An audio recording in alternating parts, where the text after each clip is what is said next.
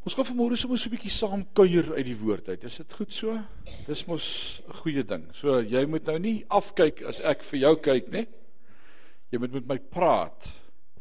Ek het al met almal van julle gesels, of iewers jou hand geskud en ek weet almal kan praat. Ek weet dit. Maar eh, hier in die kerk dan is ons geneig om oogkontak te vermy en te dink as die pastoor praat dan uh hoef ek nie saam te praat nie. Jy mag ook saam praat. Syn, is dit so? Amen.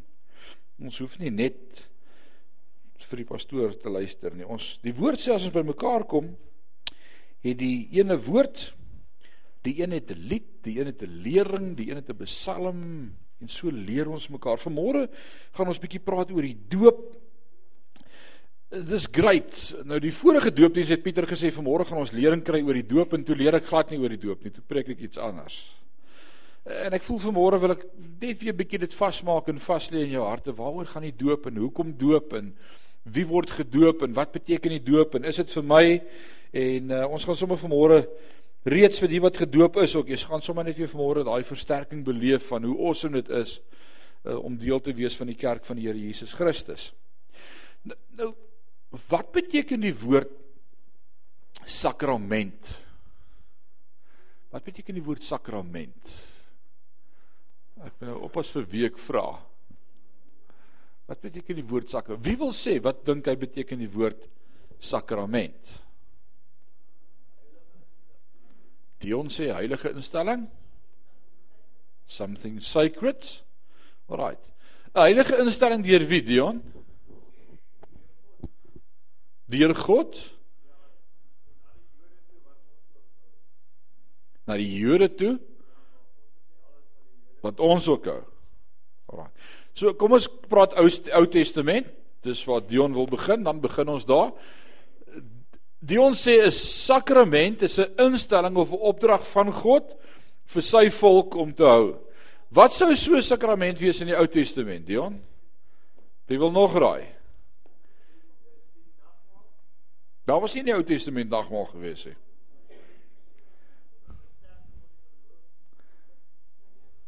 Besnydenis is is is 'n opdrag. Op die hoeveelste dag moes 'n Joodse seentjie op die 8ste dag met sy Joodse seun moes hy by die priester draai gaan maak en het dan het die priester die seuns besny en dit was 'n opdrag van God af. So dis 'n opdrag van God, maar is dit was daar ook betekenis in gewees. Kom ons praat oor die besnydenis. Wat was die betekenis van die besnydenis gewees? Hoekom het God dit as 'n as 'n instelling vir sy volk gegee die besnydenis? Drakalo stiller. Dis 'n baie goeie vraag. Wat sê jy? So die besnydenis was 'n verbondsteken. So 'n paar goed het gebeur met die gee van die besnydenis. Dis 'n teken visueel, altyd visueel wat my herinner aan 'n belofte van God, 'n opdrag oor iets wat nog gaan gebeur of gebeur het. Dis 'n teken wat my moet herinner. Nou wat was die teken van die besnydenis gewees? Hoekom besnydenis? Dit moes die Joodse volk daaraan herinner dat uit hulle nasate die Messias gebore gaan word. En daarom is hulle konstant daaraan herinner hou hierdie volk seksueel rein van alle onreinheid en losbandigheid en ander gelowe want die Messias gaan kom uit julle nageslag. Dis die verbondsteken. Dis dis 'n instelling. Alraai. In die Nuwe Testament, dis vir ons as Nuwe Testamentiese kerk. Hoeveel sakramente het ons as Nuwe Testamentiese kerk wat ons hou? Hoeveel? Dat ek 2, het ek meer? Het ek 3 iewers? Nee, is net twee. Daar's net twee sakramente wat die kerk van die Here Jesus Christus hou. En watter twee sakramente is dit? Die doop en die nagmaal. Die nagmaal en die doop. Waar kry ons hierdie twee sakramente in die woord van die Here? Want wat is 'n sakrament? Ons het gesê dis 'n opdrag van God aan ons dat ons moet dit gedurig doen. Dit is 'n opdrag. So waar vind ons in die woord van die Here vir ons as kerk hierdie opdragte? Wie wil sê? Wat sê dan nie? In die Bybel, dit is 'n baie goeie dis 'n goeie raai. Dit is definitief in die Bybel. Waar in die Bybel? Matteus Wat sê Matteus 26, Dion?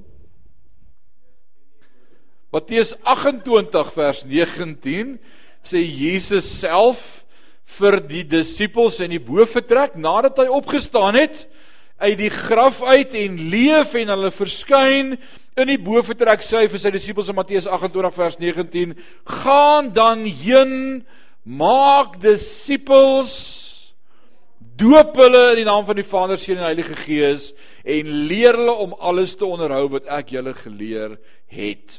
Nou as ons gaan kyk na die oorspronklike Griekse taal waarin dit vir ons aangeteken is, die Nuwe Testament is vir ons in Grieks geskryf, dis 'n meer moderne taal wat die moderne wêreld ook verstaan het en onthou as ons lees in Handelinge 2, dan sien ons dat vanaf die hele wêreld het die Jode bymekaar gekom vir die fees, die Paasfees en toe ook vir die Pinksterfees en hulle sou weer almal teruggaan na oor die wêreld toe. So die gemeenskaplike taal op daardie stadium wat die Nuwe Testament vir ons geskryf is, was Grieks geweest.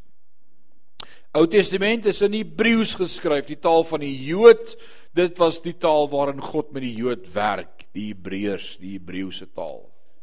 Soos Matteus 28 vers 19 in die Griekse taal vir my sê, gaan dan heen en maak disippels, dan sê ons daardie nou Jacques is nou besig met Grieks en waar het ek vir Sandro gesien? Sandro is hier, hy het nou net Grieks onder die knie en wie's nog hier wat bietjie teologie al weet weet al Grieks? Grieks op universiteit, ten minste Grieks 1 of Grieks 2 gedoen. Steek gou die hande so 'n bietjie op. Dan kyk waar is al ons Griekse vriende? Waar is oom Tom? Sy nie hier vanmôre nie. Nou as ons lees in die Griek, Grieks is 'n verskriklike maklike taal, né, Jock? Hy sê net, is dit. Nee, hy sal vir jou sê dat jy 'n vreeslike klomp verbuigings van 'n woord kry. En die voorvoegsel in die agtergrieks, waar's waar's Tian vanmôre? Hy sal verstaan van Grieks al. Dis Grieks, leer hy Grieks vandag. Hy moes hier gewees het. Die voorvoegsel en die agtervoegsel wat die woord, die kernwoord bly dieselfde, maar die voorvoegsel of die agtervoegsel sê vir jou is dit 'n manlike of 'n vroulike vorm of is dit 'n enkelvoud of meervoud, is dit in die verlede tyd of in die toekomende tyd tot die woord tot die tyd van die woord word bepaal deur die voor en agtervoegsels. So daai woord kan baie verbuiging sê van een woord. As dit iemand is wat dit verstaan, as dit nou Prof Marius. Hy is nie vanmôre hier nie, hy het verskoning gemaak. Sit hy hier vanmôre? Al het hy verskoning gemaak. Prof Marius. Welkom saam met ons. Hulle was in Rusland en oral oor. Lekker om jou hier te sien vanmôre. So daai woordjie in die oorspronklike taal beteken hou aan daarmee. Dis nie net 'n enkel opdrag wat Jesus vir sy disippels gee en sê gaan nou net een keer gemaak asseblief 'n disipel nie. Daai woord sê hou aan disippels maak. Dis awesome. Gaan dan heen hou aan om disippels te maak.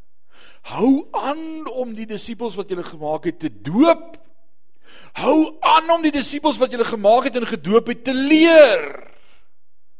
Nou tot wanneer moet ons aanhou daarmee? Tot wanneer? Vers 20 van Matteus 28 sê: "Want kyk, ek is met julle tot by die volëinding van die wêreld." So tot wanneer toe is hierdie opdrag vir ons gegee om aan te hou daarmee? Totdat Jesus kom. Het Jesus al gekom? Is dit die einde van tyd? Nee, jy lewe nog, maak net 'n bietjie so, daar's lewe in jou liggaam. Ons is nog hier. So dis 'n opdrag. Nou vra ons vir mekaar, is dit net 'n opdrag gewees vir die disippels wat in die wat daar in die boefretrek was? Of is dit ook vir my en vir jou? Wat sê julle? Koenie, wat sê jy? Nee, ek vra, ek kyk nie vir jou nie. Ek sê vir Johan kyk, dan vra ek vir jou, Koenie, wat sê jy?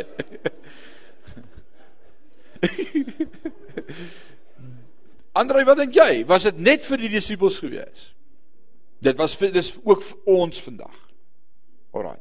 So dis die opdrag van die kerk. Dit gee ons 'n mandaat. Dis die mandaat waarin ek en jy vandag beweeg en dis ook waarmee ons ons besig hou as Nuwe Testamentiese kerk. En ek glo elke kerk se hart en se dryf moet wees om disippels te maak, om disippels te doop, om disippels te leer. Hierdie drie belangrike goed. Maak disippels, doop disippels, leer disippels. Nou elke Sondag wat ons bymekaar is en ook vanaand by woordskool, vanaand maak ons klaar met woordskool vir hierdie kwartaal, dan is dit 'n bietjie vakansie. So ons het nog vanaand woordskool en elke Sondag aand en elke Sondagoggend en elke keer as ons by die woord sit, is ons besig om die disippels te leer. Dis lering.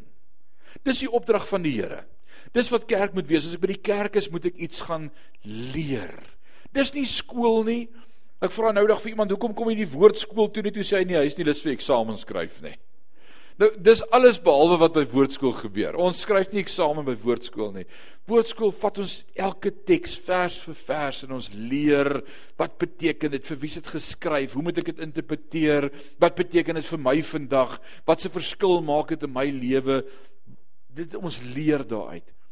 So dis lering en dis belangrik dat ons lering sal ontvang want dit is deel van ons geestelike groei. Daarom dink ek en dis deel van die belangrikheid in die Nuwe Testament dat ons moet deel wees van 'n familie of 'n gemeente.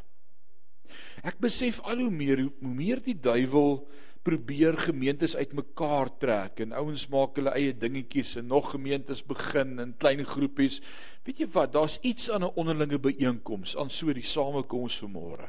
Nou as Paulus van hierdie geleentheid praat, dan praat hy van ons vanmôre as die eklesia. Die uitgeroepenes vir 'n spesifieke funksie of 'n spesifieke taak. Nou wat dink julle as ons vanmôre die uitgeroepenes is hier, wat is ons funksie en ons taak? Wat is ons funksie vir môre en ons taak vir môre? Naas? OK, maar so, as ons nou vir môre hier is, ons gaan nou nie nou disippels maak nie. Leer en stig, dis belangrik, dis deel van wat moet gebeur by so 'n gemeente. Ek dink in die eerste plek is jy deel van die eklesia vir môre om God te aanbid.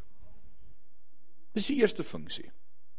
Daar's iets wanneer God aanbid word in unison wanneer daar meer as een saamstem oor 'n saak. Wat sê Jesus self? Hy sê wat 2 of 3 saamstem oor Waar sê hy dit?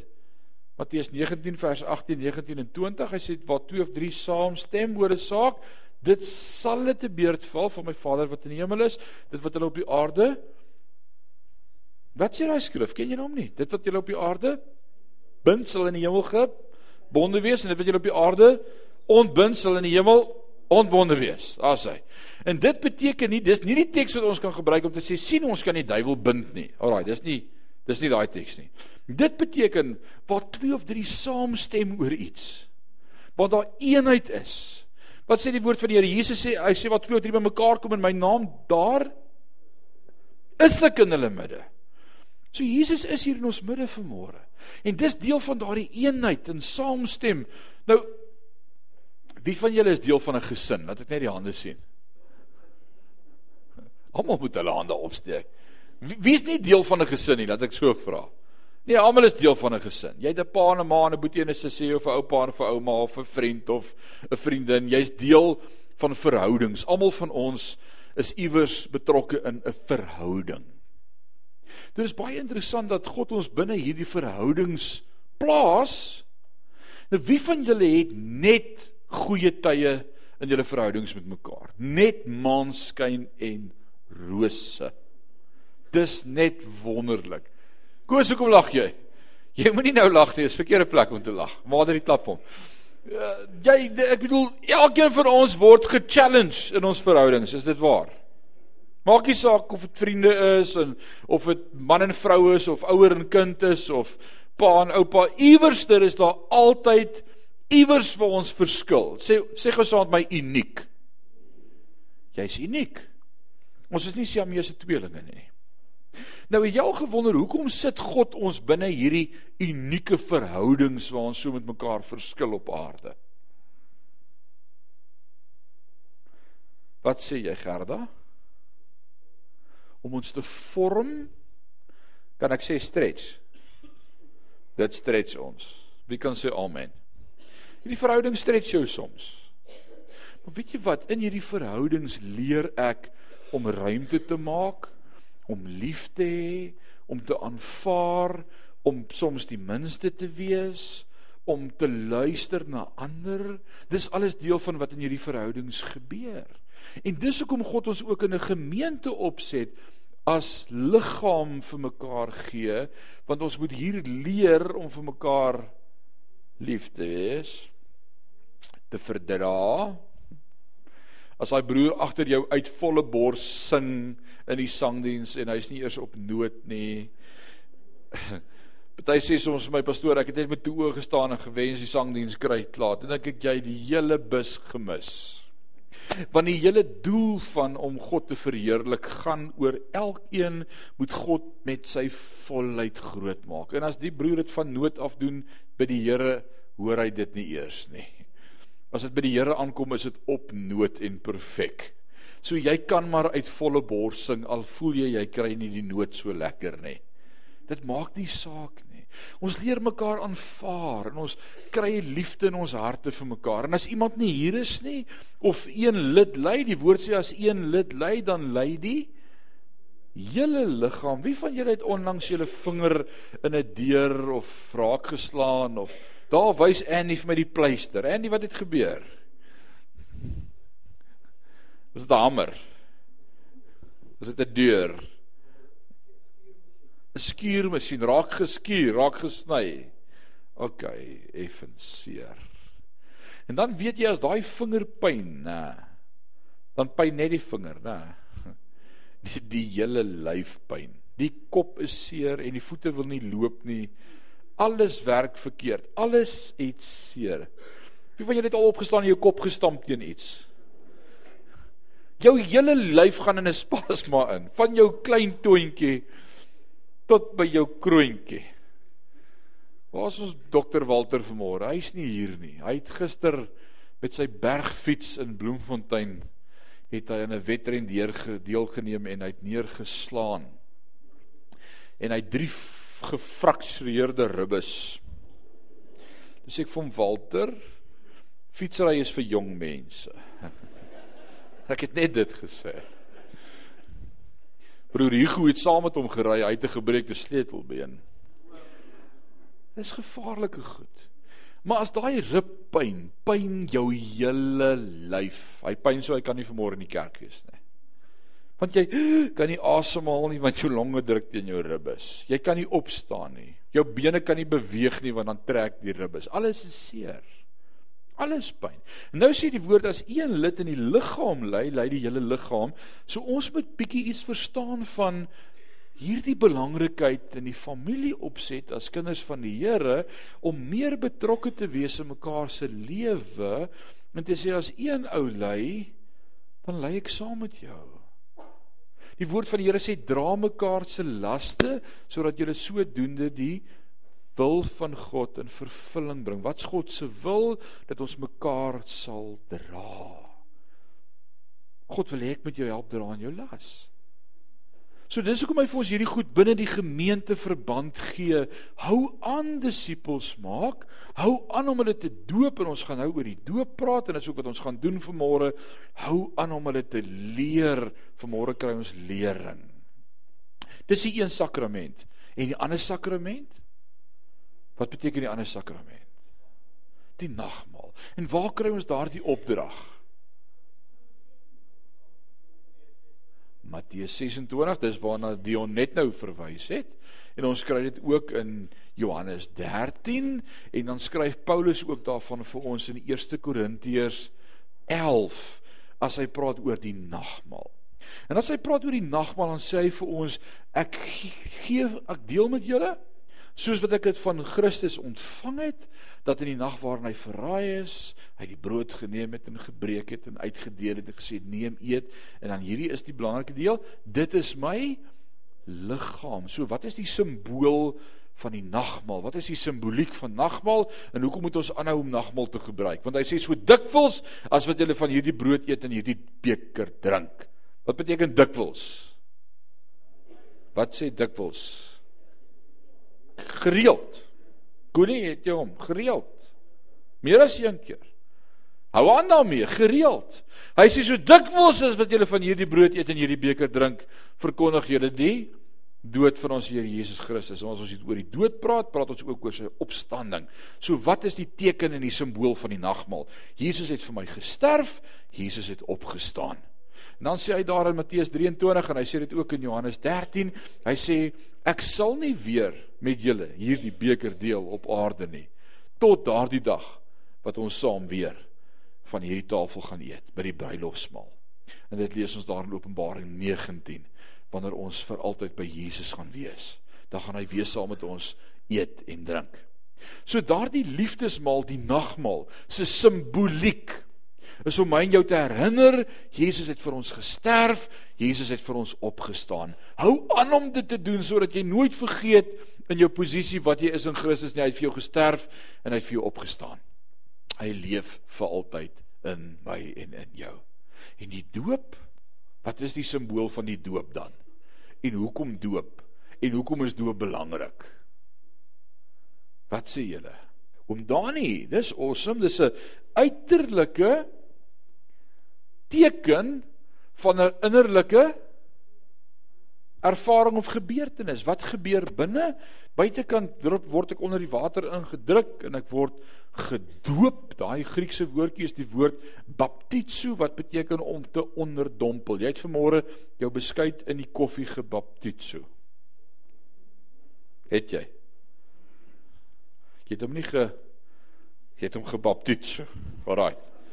Alraai. Anders is daai ouma heeltemal te hard geweest jy het hom ingedruk en geonderdompel. Dis wat daai woordjie beteken. Nou hoor wat sê Petrus in sy eerste toespraak en sy eerste preek op die dag van Pinkster. Hier in Handelinge 2 vind ons dit so mooi as hy met hulle praat en vir hulle sê wat moet gebeur en hy praat met hulle oor Dawid en al hierdie dinge dan roep hulle uit en hulle sê vir hom wat moet ons dan doen om gered te word. En dan sê Petrus antwoord en hy sê vir hulle in vers 38: "Bekeer julle en laat elkeen van julle in die naam van Jesus Christus tot vergifnis van julle sondes gedoop word en julle sal die gawe van die Heilige Gees ontvang." En dan kom Petrus en hy maak so 'n deurtjie bietjie verder oop as net die opdrag wat Jesus gegee het en hy sê daar gaan ook 'n blessing saam met die doop want na die doop dan gaan jy ook die gawe ontvang van die Heilige Gees. En dis 'n blessing. Wie kan sê amen? Om die gawe te ontvang. Daar's drie verhoudings wat ek en jy met die Heilige Gees kan hê. Drie verhoudings wat die Heilige Gees met elke mens iewerster in sy lewe wil hê en kan hê. Die eerste verhouding is die Heilige Gees. Die woord van die Here sê in Johannes 16, as die Heilige Gees kom, sal hy die wêreld oortuig van sonde, geregtigheid en oordeel. Dan sê hy hier in vers 9 sonde omdat hulle in my nie glo nie. So wat is die eerste funksie van die Heilige Gees by elke liewe mens op aarde? Om vir jou te sê glo in Jesus Christus. En die Heilige Gees pleit by elkeen. Daar buite, elke sondaar, die ateës, elkeen hoor die stem van die Here wat sê glo. Die Heilige Gees sê dit vir hom. Paulus kom so mooi in Romeine as in Romeine 1 2 3 praat oor ons verlore toestand sonder God, dan sê hy elkeen weet in sy hart dat daar God is. Jy het nie 'n Bybel nodig of die Torah nodig of of of of iemand nodig om te sê daar's God. Jy weet daar's 'n God. Jy weet dit, sê amen. Jy weet dit. En dan as ek my hart en lewe vir Christus gee, gebeur daar iets volgende. Dis wonderlik. Wat gebeur? Die Heilige Gees kom woon binne in my. Hy maak intrek in my lewe. Oh, dis beautiful. Kan jy ondag onthou toe jy jou hart en lewe vir die Here gegee het, wat het gebeur met jou hart? Ewe skielik as hulle oor die Here praat, dan begin daai hier sulke goed by jou oë afloop. Dis trane. Jou, jou hart het net sag geword en, en jy wil net oor die Here praat en oor hom dink en sy woord hoor en in by die kerk wees. Dis amazing. Hier het iets gebeur in jou lewe. Die Heilige Gees woon binne in ons. En dan sê Jesus vir sy disippels wat reeds die Heilige Gees ontvang het in Matteus 21 toe hy op hulle geblaas het, dan sê hy vir hulle gaan wag in Jerusalem totdat julle die belofte van die Heilige Gees ontvang wat julle sal aandoen met krag sodat julle my getuies kan wees. En daar's 'n derde dimensie, die doping met die Heilige Gees. Wanneer God my doop met die Heilige Gees krag en die teken daarvan is ook tale spraak en die gawes. Dan ons lees 1 Korintiërs 12 en 1 Korintiërs 14 daarvan. So kom ons praat vanmôre oor die simboliek van die doop in die besonder. Wat is die simbool van die doop en hoekom die doop? In die eerste plek wil ek vanmôre sê dis 'n instelling van Jesus. Wie kan sê amen? So dis 'n opdrag. Dis nie as jy lus voel nie, dis nie miskien nie, dis nie as dit vir jou nice klink nie, dis nie as dit vir jou verstaan of jy die logika daarvan sin maak vir jou nie. Dis 'n opdrag. Bekeer jou en laat jou doop en dan gaan iets met jou gebeur. Jy gaan gered word en jy gaan die gawe van die Heilige Gees ontvang. Dit's a given. Alrite deur wie die wat hulle sondes bely het en deur geloof na Jesus gekom het, hulle eenvoud met Christus demonstreer in sy dood en opstanding deur onderdompel te word in water in die naam van Jesus die seun van God. Dis beautiful, dis wat dit beteken. Nou wil ek gou vir jou iets lees vanmôre in Romeine. As jy die boek hier het, blaai saam met my na Romeine hoofstuk 6. O Paulus deel hier 'n wonderlike ding met ons in Romeine 6. Romeine is so 'n awesome boek in die woord van die Here. Romeine hoofstuk 6. Nou ek wil hê moet by Romeine 5 begin lees die laaste versie in vers 21 onthou hoofstuknommers en versnommers was nie in die oorspronklike teks gewees nie. Dis ingesit sodat ek en jy dieselfde plek maklik kan kry.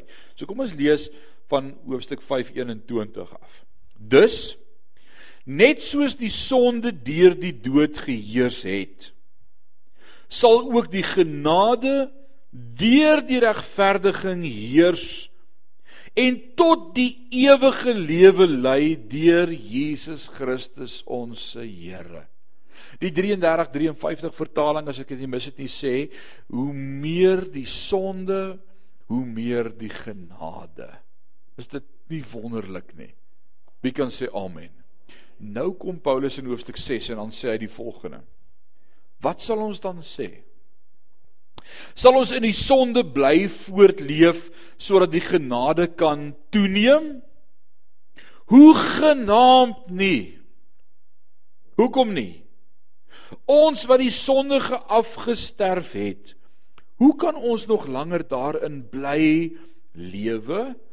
Of weet julle nie dat ons wat in Christus Jesus gedoop is, in sy dood ingedoop is nie. So hier kom Paulus en hy vertel vir ons wat is die simboliek van die doop? Hy sê wanneer ons in Christus gedoop word, in die water afsak, word ons in sy dood begrawe. Met ander woorde, ek word saam met Christus begrawe Hoor wat sê vers 4: Deur die doop is ons dus saam met hom in sy dood begrawe sodat net soos Christus deur die magtige heerlikheid van die Vader uit die dood opgewek is, so ook ons 'n nuwe lewe sal lei as ons opkom uit daai water uit. Die ou mens sterf, dis die simbool van ons hou begrafnis. Dis awesome. Wie van julle was al by 'n begrafnis gewees? Wie was nog nie by een nie? Die dooie goed sit ons in die aarde terug.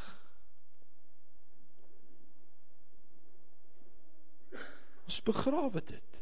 Dis dood. Maar ek kry party begrafnisse kry ek wille versoeke vir liedjies wat gespeel moet word en vir dinge wat mense wil doen. Was nou eendag op 'n begrafnis waar hulle wou speel You Raise Me Up. Toe staan ek en kyk so vir die kus, ek dink as dit nou gebeur, skrik julle vir julle vrek. Hæ? You raise me up. Soms doen ons snaakse dinge, né? As ons val as ons hartseer is. Maar dinge wat sterf lê ons in die aarde neer. Ons begrawe dit. Dis dood. En nou sê die woord, hierdie is 'n simboliek vir jou kop om te verstaan. Jy leef nou nie meer nie, jy die ou mens begrawe ons. Sodat jy wat uitkom uit die water uit sal verstaan. Jy's 'n nuwe mens. Nou dat ek gou-gou die hande sien, wie van julle se ou mense sal begrawe? Kom aan, steek jou hande op. Awesome. Dis al begrafnis gehou. Pragtig. Dis amazing. Daar's nog 'n paar van julle wat hier rondloop met julle lyke. Julle moet 'n plan maak dat ons begrafnis hou. Ons moet daai ou mens begrawe, ouens. Ek wil nie die ou mens saam met my sleep elke dag en herinner word aan my verlede en aan alles wat ek gedoen het voor die kruis en voordat ek Christus in my lewe ingenooi het nie. En daarom is die simbool van die doop vir my en vir jou gegee. Om te sê dit is so maklik, al wat jy moet doen is hou begrafnis. Praat nou die dag met 'n swart pastoor wat ek ontmoet en ons praat sommer so 'n bietjie oor die doop en en hoe hulle doop. Hy sê vir my as hulle ou doop, hy sê hy hou vir hom onder daai water totdat die laaste botteltjie so by sy mond uitkom. Hy sê want hulle glo as hy hom so uit die water uit optel dan daai is 'n nuwe begin. Daar's niks meer van die ou mens oor nie. Hy moet jy moet amper die wit lig sien en dan kom jy uit. Dan sit 'n voorbegin. Nou ons ons doop nie so nie, moenie bekommer nie. Ek hou jou nie onder nie. En toe sê 'n ander pastoor, ek dink dit was Ronnie Barnard wat gesê het as ons die mense doop, moet hulle hulle beursies in hulle sakke hê, laat jou beursie ook tot bekering kom. Want party ouens gee na die tyd nog soos wat hulle voor die tyd gegee het. So, nou ja. Ons baie grap oor die doop, maar weet jy wat die doop is 'n awesome gebeurtenis in my en jou lewe. Dis begrafnis van die ou mens. Maar as die duiwel kom en nou die woord van die Here leer vir ons in Openbaring 10, hy sê die duiwel herinner ons voortdurend aan ons sondes. Hy sê hy kla ons dag en nag aan by die Vader. En wie weet dis wat in die aand gebeur as jy in jou bed deur die duiwel kom katasa jou. Wie kan sê, "Mm. Hy vertel vir jou alles wat jy verkeerd gedoen het en wat jy nie doen nie en hoe, verkeerd jy is en jy gaan hel toe en, jy, en dan wat sê hy hoe het ons die duiwel oorwin? Deur die bloed van die lam en die woord van ons getuienis. En dit wil ek vanmôre vir jou sê dat as jy jou laat doop, daardie doop simbool is nie net gehoorsaamheid omdat God so gesê het, punt nie. Dis ook deel van my getuienis om te sê I believe. Dis wat die doop doen. Ek glo. Jy kan jou tog nie laat doop as jy nie glo nie. Dit sal baie dom wees. So daarom is die vertrekpunt eers glo. As iemand glo en hom laat doop sê die woord, sal hy gered word. Nou ek wil gou vanmôre vir jou net 'n paar parallelle trek op die einde tussen die ou verbond en die nuwe verbond. Want dis waarmee ons sonne aande besig is met Hebreërs. Ons kyk na die ou bedeling en die nuwe bedeling. Die ou hoëpriester teenoor die nuwe hoëpriester. Die ou teenwoordigheid van God daar in die allerheiligste teenoor nou nadat die voorhangsel geskeur het God wat met my en jou self wil praat in sy teenwoordigheid beleef. Klomp voordele in die nuwe bedeling wat baie beter is as die ou verbond. Nou die ou verbond teenoor die nuwe verbond. Daar't 'n paar dinge verander. In die ou verbond wie het almal die verbondsteken ontvang kom Kobus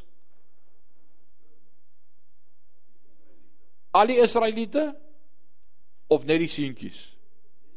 Ha. Net die seuns het in die ou verbond die teken ontvang van deel van die volk van die Here wees. Maar in die nuwe verbond wie word almal gedoop? Almal. Hoekom almal? Want ons is almal deel van die liggaam van Christus. mans en vrouens, seuns en dogters. So in die ou bedeling was dit slegs mans gewees, nou is dit mans en vrouens. In die ou bedeling was dit die besnydenis gewees, in die nuwe bedeling is dit die doop. Loof die Here daarvoor. Dis 'n teken vir ons almal wat dieselfde is. In die ou verbond was dit 'n fisiese geboorteteken gewees. In die nuwe verbond is dit 'n geestelike geboorte. Dis 'n geestelike nuwe geboorte wat plaasvind. Alraight. En dis die verskil tussen die ou bedeling en die nuwe bedeling. In Nuwe Testament as kind van God om deel te wees van God se volk, wedergeboorte het direk beteken dat jy deel was van 'n plaaslike gemeente. En dis hoekom dit so vir my pragtig is wat die doop word ook in gemeenteverband bedien vanmôre. En dan wil ek nou vir jou vra vanmôre as ons nou uitgaan om te gaan aantrek vir die doop. Moet nou nie opstaan en uitglip nie. Theo, jy wat daar agter sit. Pik nou lekker op jou, ek weet jy sal dit nie doen nie. Hy wys vir my so. Bly tog asseblief vir haar begrafnis. Dit sal daarom terrible wees as jy die dag begrawe word en teen die einde van die tyd as die pastoor klaar gepreek en as die kerk leeg dan almal geloop. Nou ons gaan vanmôre saam met jou celebrate. Kom staan hier voor by my. Ek wonder is daar nog doopskandidate? Is daar nog ouens wat sê ek verstaan nie doop. Ek is nog nie gedoop nie, maar daar's 'n begeerte in my hart om ook te sê ek wil die ou mens begrawe en ek leef nie meer nie, maar Christus leef binne in my. Dalk het jy nog nooit daaroor gedink nie, maar dis beautiful Dis die betekenis hier's handdoeke en hier's genoeg doopsrokke, so jy is welkom. So dit was vir jou die deurslaggewende faktor van dis 'n volwasse besluit. As Petrus hier op Pinksterdag, as Petrus op Pinksterdag hier preek, dan sê hy bekeer jou. Nou daai woordjie bekeer beteken letterlik verander jou gedagtes. Kan 'n baba sy gedagtes verander? Kan 'n baba verreken of dink God is koning en ek moet hom alleen aanbid? Nee, hy kan nie. So die doop kan nie die besprinklingsdoop gewees het nie. Want hy sê bekeer jou hier, laat jou doop en jy sal gered word en die gawe ontvang van die Heilige Gees. So dit kan nie die baba doop wees nie. Dankie oom Dani.